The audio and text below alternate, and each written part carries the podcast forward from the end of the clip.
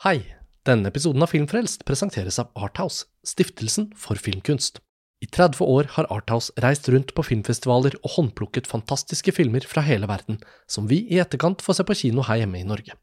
For eksempel Bong Yon-hos Parasitt, Celine Siammas Portrett av en kvinne i flammer og Michael Hanekes Amor. Og nå kommer endelig Aftersun, den store snakkisen fra fjorårets filmfestival i Cannes. Hovedrolleinnehaver Paul Mescal er Oscar-nominert, og norsk kinopremiere er fredag 17. februar.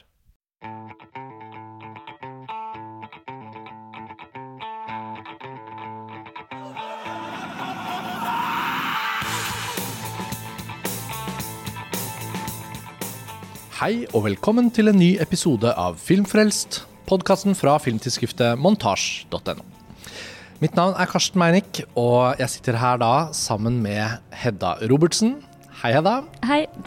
og Tor Joakim Haga. Hallo, ja. Og for de som hørte forrige episode av Filmfrelst, der vi diskuterte Babylon, så vil de kanskje merke at det er samme panel. Og vi er fortsatt på Frogner kino i Oslo. Denne ærverdige, vakre kinoen som for ikke så mange år siden ble restaurert. og som passer da for en samtale om en film som på en eller annen måte handler om film- og kinokultur. Vi skal snakke om Steven Spielbergs nye og for så vidt første virkelig selvbiografiske da, film. Hans forrige film var West Side Story, nytolkningen, og nå har han da laget The Fablements. En fortelling som det da sies at han har ventet med å omgjøre til film i veldig, veldig, veldig mange år. Og så kan man se spor av hans eh, liv og livserfaringer i mange andre filmer. Det kommer vi til å komme tilbake til. Men her er det veldig tydelig uttalt at det er Steven Spielbergs egen oppvekstfortelling. Og The Fablemans den var avslutningsfilm på filmfestivalen i Tromsø. Uh, Hedda, både du og jeg så den eh, der. Tor Joakim, du har sett den nå i forbindelse med kinolanseringen i Oslo. Og um, endelig er tiden her kommet da litt for å snakke om filmen. Og på montasje nå så har vi også publisert en kritisk tekst av Benjamin Yazdan som går filmen etter i sømmene, og som har en del innvendinger mot The Fablemans. Mens vi tre har jo da ikke fått diskutert den i detalj ennå, vi sammen, så vi skal gjøre det nå. Og jeg sa til deg, Tor Joakim, rett før vi begynte, at jeg tror lytterne som har fulgt med på Filmfrelst i noen år, har fått med seg at du og jeg har et nært forhold til Steven Spielberg. Så vi, kom, vi, ja, så vi kommer jo ikke til å starte med at du og jeg på en måte legger ut om vårt forhold til Spielberg, og hvordan han har fulgt våre liv som filminteresserte, og liv generelt. Men det kan jo dryppe litt inn underveis da, mens vi snakker om den filmen. Men Hedda, du har jo blitt med i montasje fra og med i fjor, og er redaktør sammen med Lars Ole Kristiansen og meg. Og du har vært på noen filmfrelste episoder, men ikke så mange ennå. Og dermed er det jo mange av lytterne som kanskje ikke er så godt kjent med deg, og, liksom hvilket utgangspunkt du har i forhold til ulike typer filmer. Du har jo skrevet om forskjellige typer filmer på montasje allerede, men når det kommer til podkast, da, så er jo Steven Spielberg en regissør vi år for år, når han har kommet med nye ting, har fulgt veldig tett og laget episoder om. Vi har også laget spesialepisoder, snakket om han i det vide og det brede. Så da er vi jo veldig nysgjerrige på å høre eh, hvordan du gikk da The Fablemans i møte, for du har en litt annet forhold til Spielberg enn oss. Mm, ja, jeg var vel egentlig litt som blankt ark, for jeg har jo ikke egentlig sett så mye Spielberg. Jeg har ikke så forhold til hans filmer, annet enn eh, Duel, som jeg så da i fjor sommer. Ja, ja. Duel. Ja, altså det, humoren da blir jo at for de av oss som har på en måte blitt fulgt som en hånd i livet av Spielberg-filmer og hatt det nært i hjertet, så blir man jo nysgjerrig på hvordan det har vært mulig å unngå sånn popkulturelle klassikere som Jurassic Park eller ET, Haisommer osv. Men da har jo du en helt fantastisk rekke filmer i vente, da. Forutsatt at du liker dem. Men The Fablemans er jo ganske interessant for meg å høre deg snakke om, for da lader jo ikke du denne filmen med de samme sånn, både referansene og for så vidt forventningene som kanskje både Tore Jakob og jeg gjorde. da. Hva, ja. hva, hva, slags film forventet du at dette var da, da du så den? Nei, det er jo en oppvekstskildring. Det var vel mest det Jeg hadde ikke heller lest noe særlig på forhånd. Og jeg regner jo med det er masse referanser og koblinger til hans eh, filmografi da, som går meg i hus forbi. Men jeg er veldig glad i Philip Roth.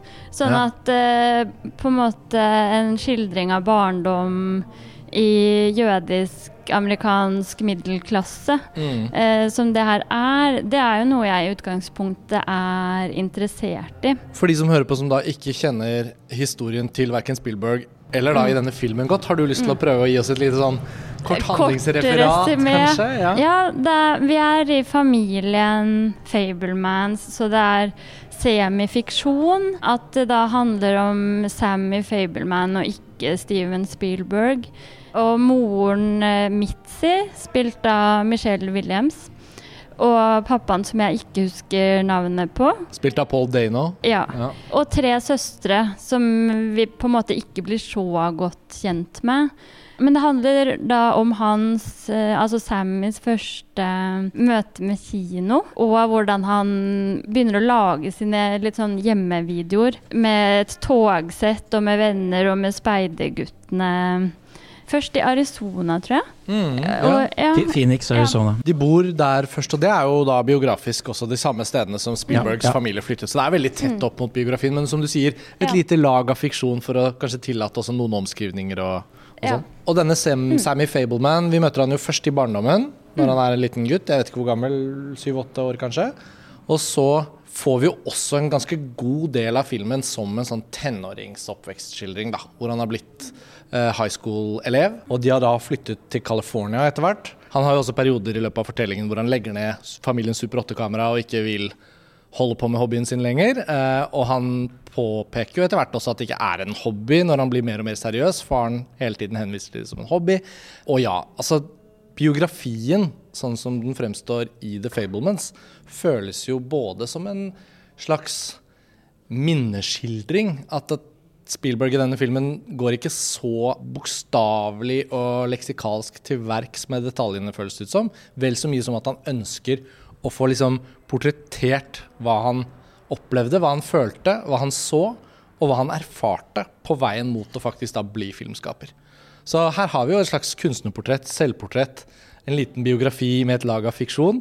Og så er jo filmspråket veldig tro mot Spielberg som aldrende filmskaper. Da. Han er jo i det moduset han er i nå.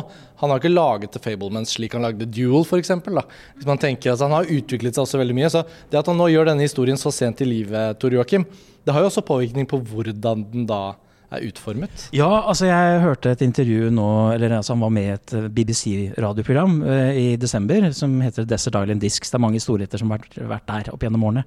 Eh, og da fikk han også spørsmål fra hun programlederen om at eh, ja, du får ofte kritikk for å være, være så sentimental. Dette er argumentet vi har hørt hundre ganger, ikke sant. Men, men så, og så svarer han da ja, jeg er jo det, jeg er glad i følelser, men det, enda mer dekkende er å si at jeg er veldig nostalgisk.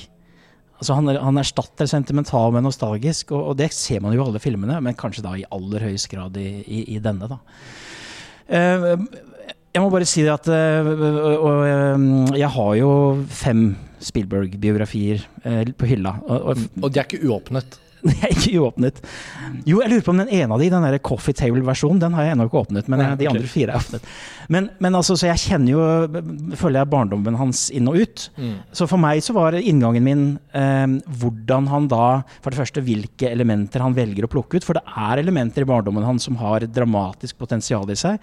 Noen har han med, noen har han ikke med. Det skal vi kanskje komme litt tilbake til. Mm. Men hvordan klarer han å løfte det da til noe ja, eh, enhetlig, for det første, men også spennende visuelt. Da. Så det var jo liksom min nysgjerrighet da jeg gikk inn i filmen. Ja, og jeg visste jo hvor, hvor nært forhold du har til Spielberg. Og ikke minst liksom altså Her har vi jo John Williams også, ikke sant? Din store komponistfavoritt, Absolutt. eh, som du også har fulgt så tett. Så det, er jo, det er jo nesten ikke sant? Man kan jo se for seg at ikke bare har han ventet med å lage denne filmen på denne måten pga. foreldrene, og de har jo nå gått bort for så vidt ganske god stund siden, men så lenge siden, for Nei. de blir over 100 nesten ja, begge to. ja, da, ja de, de levde og levde og levde.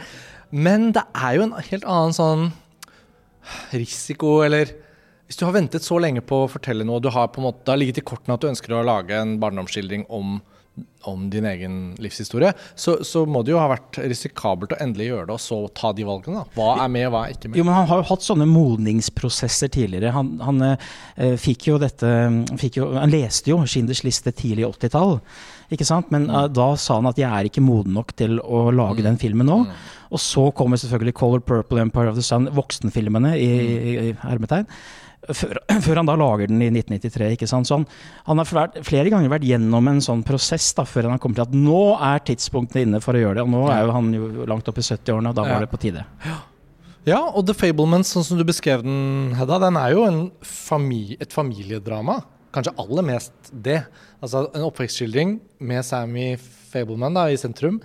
Men et familiedrama fordi moren og faren og familievennen, spilt av Seth Rogan, og selv om søstrene ikke blir karakterer helt, så er jo de en del av det. Mm. Um, familiedrama er en slags subsjanger, eller en, en, en, måte å følge karakterer på som alltid har tiltrukket meg veldig. Jeg kjenner jo på det. Altså Alle har jo familier, selvfølgelig, så det er jo et fellestrekk nesten uansett hvor du går. Men noen ganger så kan man bare kjenne seg mer igjen i enkelte familiedramaer enn andre. da. Og for meg ble faktisk The Fablemans mest overraskende på det planet. Fordi jeg tror jeg kunne forvente mye av det du har satt ord på, Tor Joakim, jeg visste omtrent hvor det bar. Og jeg liker jo tanken på å følge et portrett av en, en filmkunstner jeg setter stor pris på. Men selve familiedramaet, det traff meg også ganske hardt på en sånn Ja, det var, det var noe sånn veldig sårt, ja, nostalgisk, men også sårt fordi det syns jeg det er hver gang. Jeg syns alltid Jeg blir aldri på en måte lei av å bli lei meg når man ser eh, familier som ikke får det til, som bryter sammen på et eller annet vis. Da. Og det har jo åpenbart vært veldig signifikant for et ungt barn som da blir til Steven Spielberg. Eh, den siden av filmen, Hedda, nå trengte jo ikke du å ha på deg liksom Spielberg-fanbrillene, da. Hvordan syns du denne filmen forløp seg som et eh, familiedrama? Nei, altså den er jo på en måte litt sånn oppskriftsmessig godt fortalt. At vi kommer inn i en sånn på utsiden eh, lykkelig og velfungerende storfamilie. Og jeg syns egentlig Michelle Williams sin rolle er interessant. Hun er jo litt sånn utypisk for uh, sin tid. En mor som i utgangspunktet var pianist, og som tar veldig mye plass. En litt sånn melodramatisk type. Mm. Jeg syns vel at hun på en måte blir litt sånn overspilt.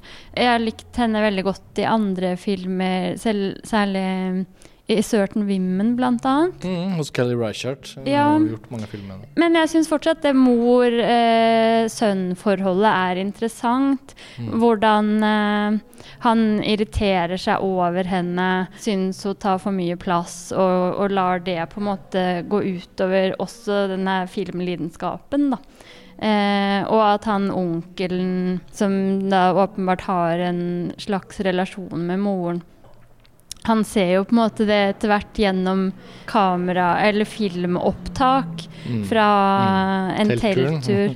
Og jeg, altså Jo, jeg er jo delt i filmen, men jeg syns eh, Hvis jeg skal sånn, ja, trekke frem noe av det jeg likte, så syns jeg den teltturscenen var veldig god. Fantastisk. Ja. Mm. Og når hun eh, Moren da eh, liksom står opp i sånn hvit nattkjole og begynner å danse foran uh, bilen. Og han uh, spiller, spiller, det av. Og en av søstre, søstrene griper inn og blir på en måte flau på morens vegne. Der er det på en måte så mye følelser i spill fra så mange, da. Mm. Jeg kunne ønske at filmen gikk mer inn i de eh, ja, litt sånne rare ting, kanskje. At det er mye den snitter innom, men ikke går dypt nok inn i, føler jeg kanskje. Mm. Mm. Ja, fordi jeg, eh, jeg syns jo den sekvensen du forteller om nå, den, er, den kommer jo som et resultat av at filmen bygger veldig sakte, men sikkert opp mot noe. Mm. Fordi som du sa i stad også, og sånn er det jo ofte i disse familieromanene man leser, også, er det jo ofte kapittel på kapittel bare om livet i familien. Mm. At ja, fra utsiden, eller sånn som de fremstår i begynnelsen, så kan det bare være alt det en familie har, og noen tenåringer som kanskje er litt furtne, eller noen barn som Også noe, noe jobb, og kanskje flytter man fra et sted til et annet. Men det er nok nok drama i det til at vi alle kan kjenne oss igjen. Og så er det da hvor er det det øker i temperatur. Og da er det jo litt vakkert at den teltturen først og fremst fremstår som det lykkelige høydepunktet. Hvor mm. alt kommer sammen til sånn, et sånt minne, da. Og så at det da etter hvert som han bretter opp, eller ruller ut filmopptakene, mm. egentlig innser at den turen også er det motsatte. da, At det er der det begynner å Må man jo også skyte inn at den, den, sekvensen feirer jo et av hans aller mest grunnleggende visuelle kjennetegn, nemlig motlys. Mm som jo brukes til stor effekt i den, i den scenen. Som ja. uh, ikke bare sånn ut av det blå, men som, som også da har en veldig emosjonell uh, kvalitet. Da. Ja, absolutt. Det er ikke bare en eh, stilistisk Er det, referanse. nei, og er denne teltturen da et signifikant biografisk minne, Tor Joakim, eller er den forfattet inn her? Hvis jeg kan få lov bare eh, å ta på meg Spielberg- Spielberg-brillene litt. Absolutt. De, må, de har du vel på I hele en liten argumentasjonsrekke så skal jeg svare på det spørsmålet. Ja, ja. Jeg, altså, for det. eh, jeg har jo ikke lyst til å være en sånn person som ser en film basert på virkelige hendelser og sier 'Å ja, men du mangler jo å ha med det', ja, men du mangler jo å ha med det, for det syns jeg er litt slitsomt. Eh, men det er klart at eh, når du er så bekvem med en persons historie som dette, så biter man seg jo fast i ting. Jeg var inne på, inne på det i stad. Det hadde vært veldig fascinerende å se den sekvensen, eller den, den hendelsen hvor faren til Spielberg tar, tar han med ut og ser på meteorregn en, en natt, som vekker hele hans interesse for livet der ute. Fasciner- Det ville vært fascinerende å se hvordan han lagde denne ambisiøse science fiction-filmen 'Firelight' som, som barndom. Det ville vært fascinerende å se hvordan han snek seg inn i Universal Studios og sånne ting. Um, men så er jo det, ikke det nødvendigvis det det handler om. Det er jo eh, spesielt et, eh, om kjærlighetsforholdet til film og til sine foreldre, og så krysses de. Det som er litt interessant her, eh, er jo at han har vridd på sitt forhold til sin far og mor, eh, som det var i virkeligheten. Han var klar over disse tingene da han var barn, at moren var interessert i en annen. Og, eh, at, men han bebreidet sin far i mye større grad eh, i virkeligheten.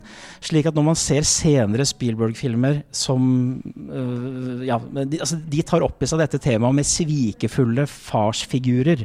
Om det er Martin Brody i 'High Sommer' eller Roy Neary i 'Nærkontakt' eller Ja, nærkontakt Sean. Connery i Indiana Jones 3, eller Mm. til og med den sekvensen i Jurassic Park når denne advokaten forlater barna i bilen, Mm. og, og blir jo da straffet med, med å bli spist av en dinosaur. ikke sant? Så, så det er jo et spillbergiansk trekk, men her har han snudd det om, slik at det er moren som på en måte altså det, det er mest konflikt i forhold til moren, da. Egentlig, vil jeg si. Han har unnlatt å gå inn på den konflikten han hadde med sin far. Og moren er jo også skrevet som en rollefigur som uttrykker voldsom begeistring og kjærlighet, men som også har den kaldeste skulderen. Mens faren er en mer median.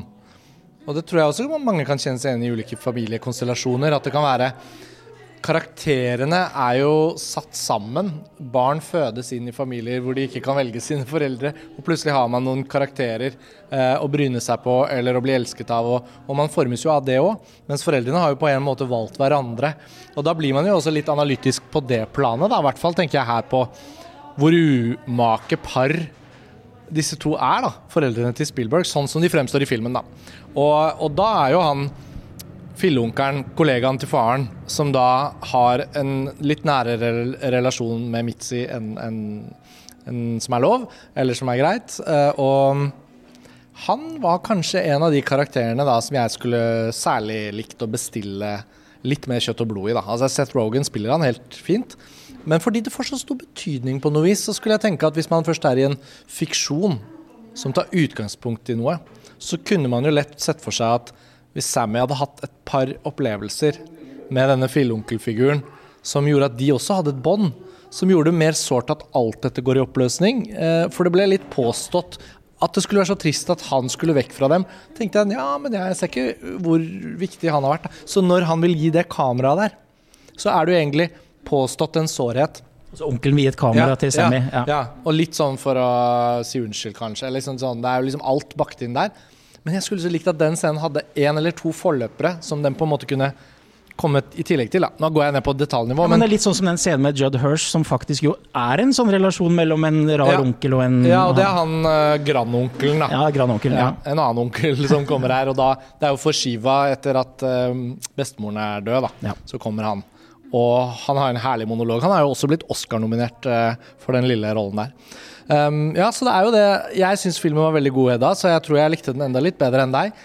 Men jeg kan, jeg kan se hvordan også vi Det er en spennende film å snakke om, fordi jeg anbefaler den. på en måte Det er litt sånn der banal ting å legge til sånn Den bør folk se sånn. Men når vi først sitter og snakker om den, så føler jeg også at dette er en film jeg har til til gode å bli helt klok på fortsatt. og Derfor syns jeg det er gøy å, å, å bare snakke litt om den. Fordi på tross av alt jeg likte, så opplevde jeg jo at den Den hadde noen sånne Det humpet litt.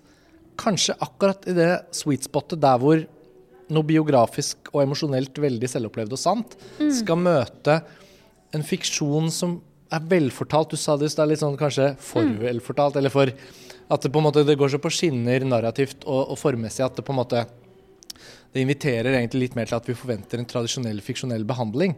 Men så kommer det noe som er av kjøtt og blod litt inn her. Jeg syns den scenen hvor han spiller av sine funn for moren i garderoben der, og med alt det, Mm. da, da, da dirrer det litt for meg. For da, Meg da, ja, da kjente jeg skikkelig at jeg ble grepet òg. For jeg følte her er det noe veldig, veldig sant. Han har skrevet en sekvens. Den er liksom en film.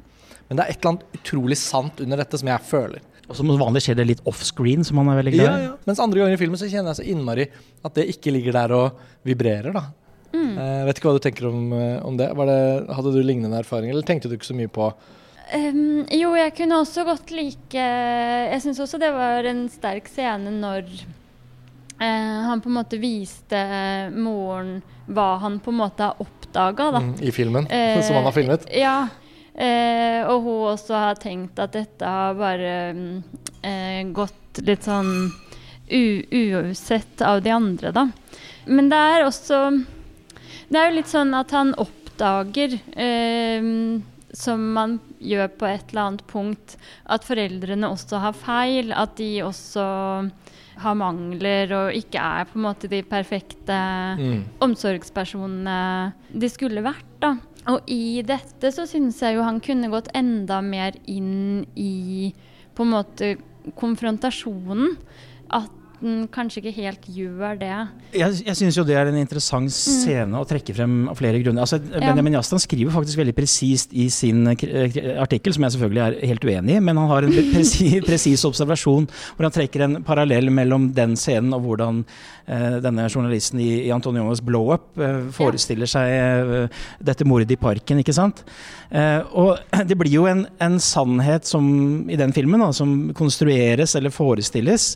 Mens her er det jo Det er jo åpenbart en slags sannhet, men den er også litt ullen, for den medfører så mye altså litt sånn ansvar og eh, kvaler i forhold til i hvor stor grad skal dette bli en stor sannhet som eventuelt kan splitte familien på tvers. Eh, og, og det syns jeg var en at det, at det er en liten sånn nerve i akkurat det der. Og i forholdet til moren og i forhold til hans eh, ja, eh, Hvordan han forteller dette etter hvert, på en måte Mm. på sitt vis, syns jeg var en, en, et, en god, et godt valg, da. Ja. Jeg syns også det, men jeg syns eh, jeg syns jo det er interessant å bare tenke på den utfordringen det er, da. Om man skal ja, hva som helst slags kunstnerisk behandling. Om man skal skrive en roman om noe selvopplevd, eller om man skal filmatisere det, eller Eller i, i det hele tatt bare behandle noe. Jeg kan se for meg situasjoner hvor man eh, setter seg ned med søsknene sine. Det er jo også en scene med han og søsteren der hvor det er også en samtale hvor man bare Hvis dette stemmer, er det for oss og for familien vår en sannhet vi trenger opp i lyset? Eller er vi mer enn lykkelig nok med at den er som den er? Altså sånn, Det dilemmaet det tror jeg veldig mange mennesker rundt omkring på kloden har kjent på. På ulikt vis. Og det er en interessant menneskelig utfordring. Er det fellesskapets harmoni som seirer over at alle sannheter må til overflaten? Ibsen skrev jo om disse tingene også, ikke sant? Livsløgnen osv. Jo, men Det er jo det du har vært inne på i stad, med minnenes utilregnelighet. Litt, grann. Og vi er, som jeg snakket om, at Spielberg er veldig opptatt av nostalgi. Når man ser på tidligere filmer som feirer nostalgien, sånn som American Graffiti eller Peggy Sue Got Married, eller altså en av disse her tidligere altså, Ja, Nå var ikke det Spielberg-filmer, da, men ja. Nei, nei, men, Ja, men, men tidligere, liksom, la oss si nostalgifilmer, da. Ja, ja, ja. Altså tilbakeblikksfilmer. Som, Ja. På den måten så er det jo alltid en, en utilregnelighet i det. Det gjelder jo også litt sånn sannheten, på en måte, Ja. i, i filmen. Men, men det er jo ikke først og fremst det jeg er så opptatt av. Det er hvordan han bader minnene sine i en liksom deilig eksess av særlig 60-tallsestetikk, da. Som jeg syns er kanskje filmens ja, I tillegg til alle Spielberg-referansene og, og grepene som han senere skal bruke, både tematisk og visuelt, så er det det som er det beste. ja. Det blir jo en high school-film her underveis også, da. Ja, jeg kunne egentlig godt like den eh, California-delen. Uh, minner litt om Licorice Pizza, men det, det er vel tidligere? Sånn Ja, det er kanskje litt eller- tidligere. Når er det han? Er det 61-62? Ja, det starter jo med øh, 54 eller noe sånt. Men, Ja, i men- filmen, ja, men- men ja, det The Greatest Show on Earth er vel fra 1952, tror jeg. 52, ja. Ja, mm, men så er det jo å legge på ti år, da. Tidlig Så Tidlig 60-tall. 60-tallet. Ja. Ja. Og mm, Ja, også hans første forelskelse. Ja. Eh, og mange sånne typer, veldig sånn stereotyper på et vis, av eh, de andre elevene, da. Eh, blant annet stu en student som kalles, eller heter faktisk eh, Chad. Litt sånn typisk eh, hvite mann. jeg vet ikke om det her er virkelig navnet Ja. eller ei. det vet jeg. Men, men begrepet er i hvert fall veldig godt illustrert av Ja. typen. Så la oss Men- kalle han Chad. Jeg syns kanskje de karikaturene på high schoolen var vel karikerte på en måte. Der følte jeg jo liksom De slemme guttene var jo tegnet opp akkurat som nazisten i Indiana Jones, på en måte. Altså, Ja. Du skal ikke kunne misforstå dette bildet. Men det var noe underholdende over den high school. Ja, det syns jeg virkelig. Og eh, sånn strand Når han lager får oppdrag å lage en film på en sånn avslutningsdag på stranda, da lot jeg meg jo virkelig underholde. Eh, men her også følte jeg sånn når det er eh, pubertet, eh, litt sånn gryende seksualitet Hvorfor går han ikke litt mer inn i det? Han virker på en måte litt redd for det. Og særlig da, hvis jeg skal sammenligne med Philip Roth, så går jo han mye mer på kropp. På en måte som han, jeg personlig blir mer engasjert, da. Mm. Er det blitt telt opp hvor mange sexscener det er i løpet av Spielbergs filmografi? Det er ikke mange. Ikke mange. Det er jo noen tendenser til det her, men det er veldig uskyldig. Ja, det var uskyldig, men jeg, jeg føler jo at det er to ting med high school-sekvensen da, som jeg har tenkt på, og som jeg har tenkt å ta opp nå. Kanskje tidspunkt inne. Det er to ting han på en måte begynner å lage en film om i den sekvensen, som jeg ikke syns The Fablemans-filmen egentlig handler om. For det første så, og det er jo hans fulle rett, selvopplevd eh, altså rasisme og jødehat. Jeg skjønner at man vil inkludere det, men det blir en veldig sånn sjablong i en større fortelling som heter The Fablements. At han kort og veldig sånn brutalt plutselig utsettes for veldig grovt og, og ubehagelig, selvfølgelig, jødehat på high school der. Men så er jo hele filmen, når den er ferdig, veldig lite opptatt av å behandle den opplevelsen. Ja, han har jo laget Schindlers liste allerede, så man kan jo si at han på en måte i store trekk har vært inne og snakket om de, liksom, den aller største tragedien, på en måte, med holocaust. Men jeg syns på merkelig vis, da, hvis han først skal behandle biografien fiksjonelt, så må han bestemme seg når han har denne passasjen inne på high school der. Hva er det dette handler om i den større fortellingen? Og jeg i hvert fall opplevde The Fablemans veldig som et familiedrama. Og det syns jeg han holder veldig godt i, helt frem til han med faren der i Los Angeles når det nærmer seg slutten. Og ikke minst utviklingen av en bevissthet som en filmkunstner som etter hvert finner sitt filmspråk, liksom. Men akkurat den biten på high school, både med kjærlighetshistorien, som er på en måte flørtende og søt, så den har jeg på en måte noen innvendinger om, men det er jo et veldig alvorlig element av et menneskeliv å bli utsatt for den diskrimineringen, rasismen, det jødehatet som kommer til, til overflaten her. Og jeg syns det endte opp merkelig nok litt overfladisk behandlet, da. Ja, altså Det er en av de tingene som jeg som var inne på i stad, ting som ikke er med her. og Det var jo at han i virkeligheten rekrutterte en del av mobberne sine inn i filmene. Som jo handler om å få kontroll, ikke sant. Og det ser vi tidlig i filmen. Når han lager disse togsettene og prøver å få kontroll på bildet. Så gjorde han det i virkeligheten. Han eh, rekrutterte det inn i filmene sine. Det ser vi ingenting av i Eller i veldig liten grad Nei, her. De figurerer i disse dokumentarbildene fra stranda, og de blir veldig opptatt av, av Ja. hvordan Spielberg, eller hvordan Sammy Fableman Ja. har filmet dem. Blir de opptatt av Det er jo opptakten til at han får tatt et oppgjør med dem. Mm. Så han har jo på en måte sluttet sirkelen. Så det er jo kontrollaspektet som er den Ja. trøde tråden du Ja, kanskje var på jakt etter. Det da. ligger der, men jeg syns likevel at han ha- Altså, han, han skrur på lyset i et rom, da, hvor vi får være med inn. Og så tenker jeg at han bare sier sånn Sånn ser det ut her, og så skrur han av lyset, og så snur han oss ut igjen. Og det syns jeg Jeg vet ikke om du tenkte på dette, Hedda, men det var en sånn Det rykket litt for meg fordi jeg tenker at det holder i massevis at denne filmen allerede handler om alt det den gjør. Men ja. Det er bare min mening, da, selvfølgelig. Han må jo bare lage den filmen han vil.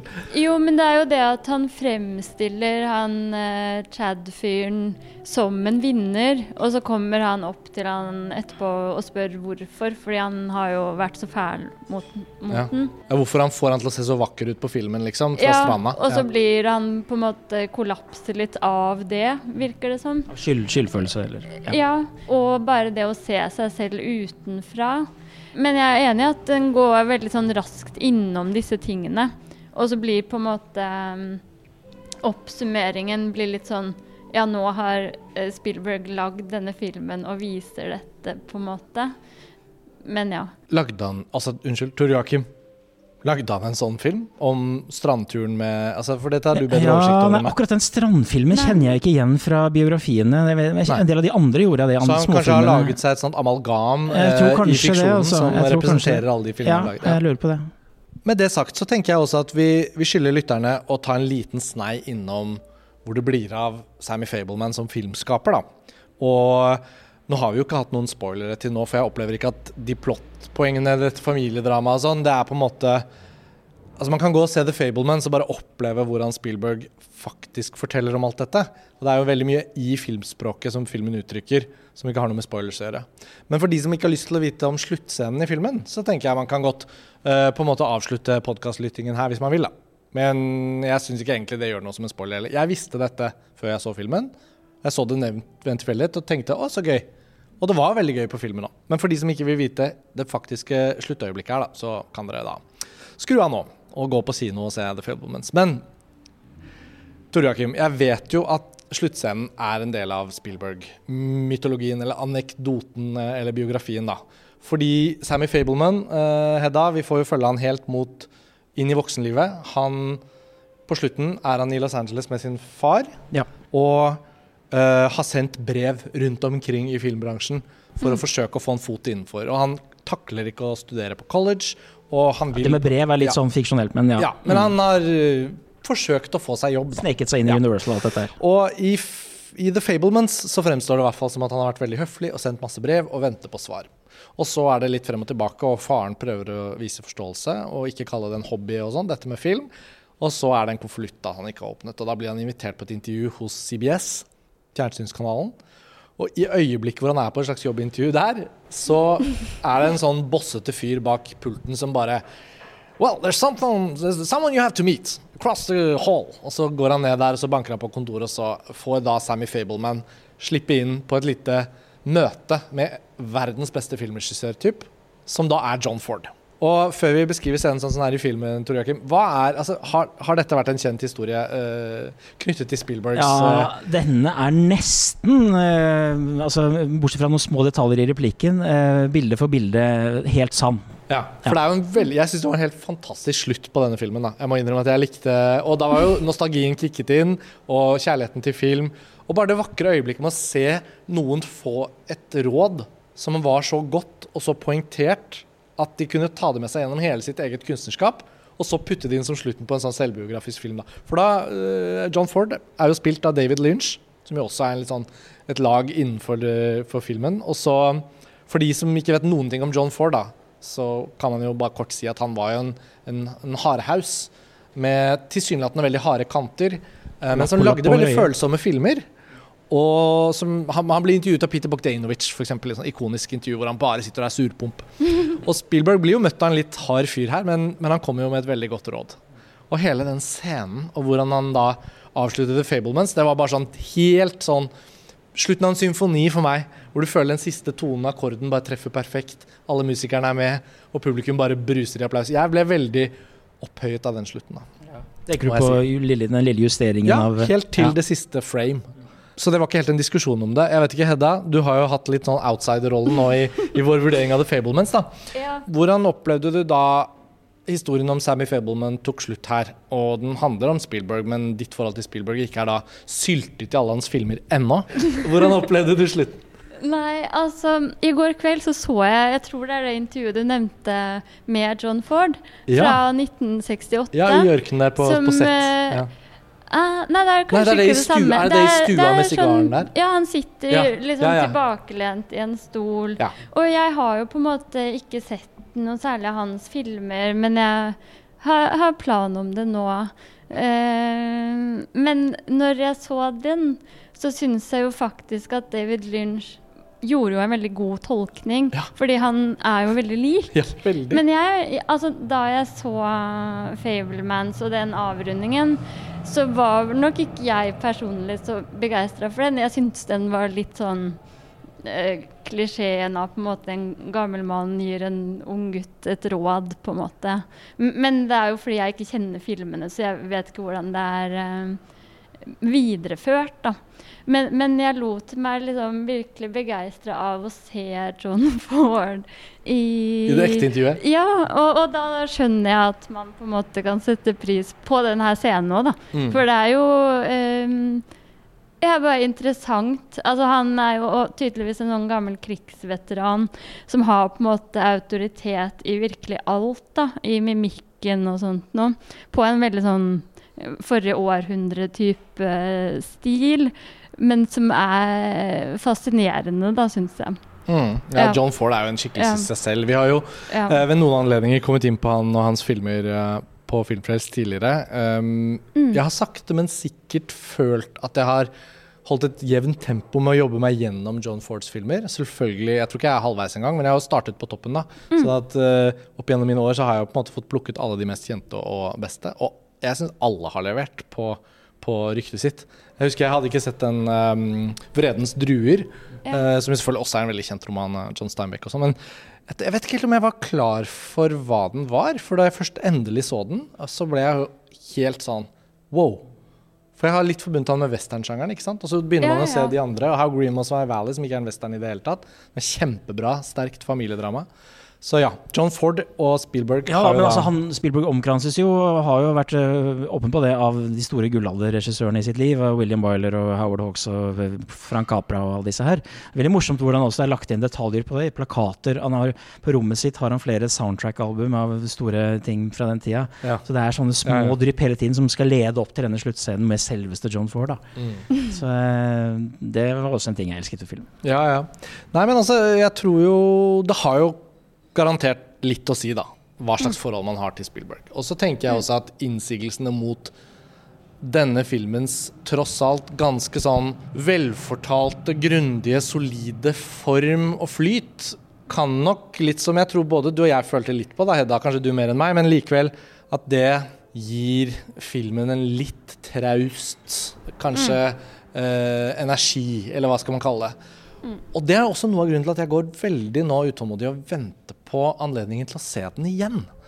For jeg merker at denne filmen også litt, når man er ferdig med å se den første gangen En ting er jo når man møter den med mye forventninger, som vi gjorde. Noe annet er liksom bare å se den sånn som du gjorde, Hedda. Og, og kanskje du rekker å se noen Spielberg-filmer, og så neste gang du, hvis du har lyst til å se den igjen, så tror jeg har en følelse at denne filmen kanskje kan ese litt på gjensyn, fordi da, da man slår, slår man seg kanskje mer til ro med den litt sånn konvensjonelle tross alt velfungerende og Spielberg-messig fortsatt mesterlige da, fortellerformen. Men at den tok det kanskje da et lite knepp ned eh, første gjennomsyn for meg. Men ikke for deg, Tor Joakim. Nei, og det er jo også fordi jeg elsker å gå på jakt etter eh, grep. da, Både tematisk og visuelle, som vi har vært inne på i podkasten allerede. Og, og, det er ikke, jeg tror ikke jeg har oppdaget alle sammen, så det er også en ting jeg vil se ved andre gjensyn. Mm. At dette blir, det blir ikke bare en, en oppvekstfilm, en biografisk film, det blir også en del av en kanon. da, Og det er jo det som jeg syns er så gøy mm. med hans filmer. Ja, så det tar oss kanskje da til slutten, altså. Uh, jeg Bare skyte inn at uh, John Williams har skrevet flott musikk. Sitt beste siden altså Den, Warhorse og The Post uh, er de tre beste han har gjort siden 2005. Ja, Selv om altså, det, er mye, det er en klassisk musikk her, så er det, og litt, litt lite John Williams-musikk, så er den som er der, veldig veldig, veldig, veldig bra. Jeg har hørt veldig mye på The Fablemans.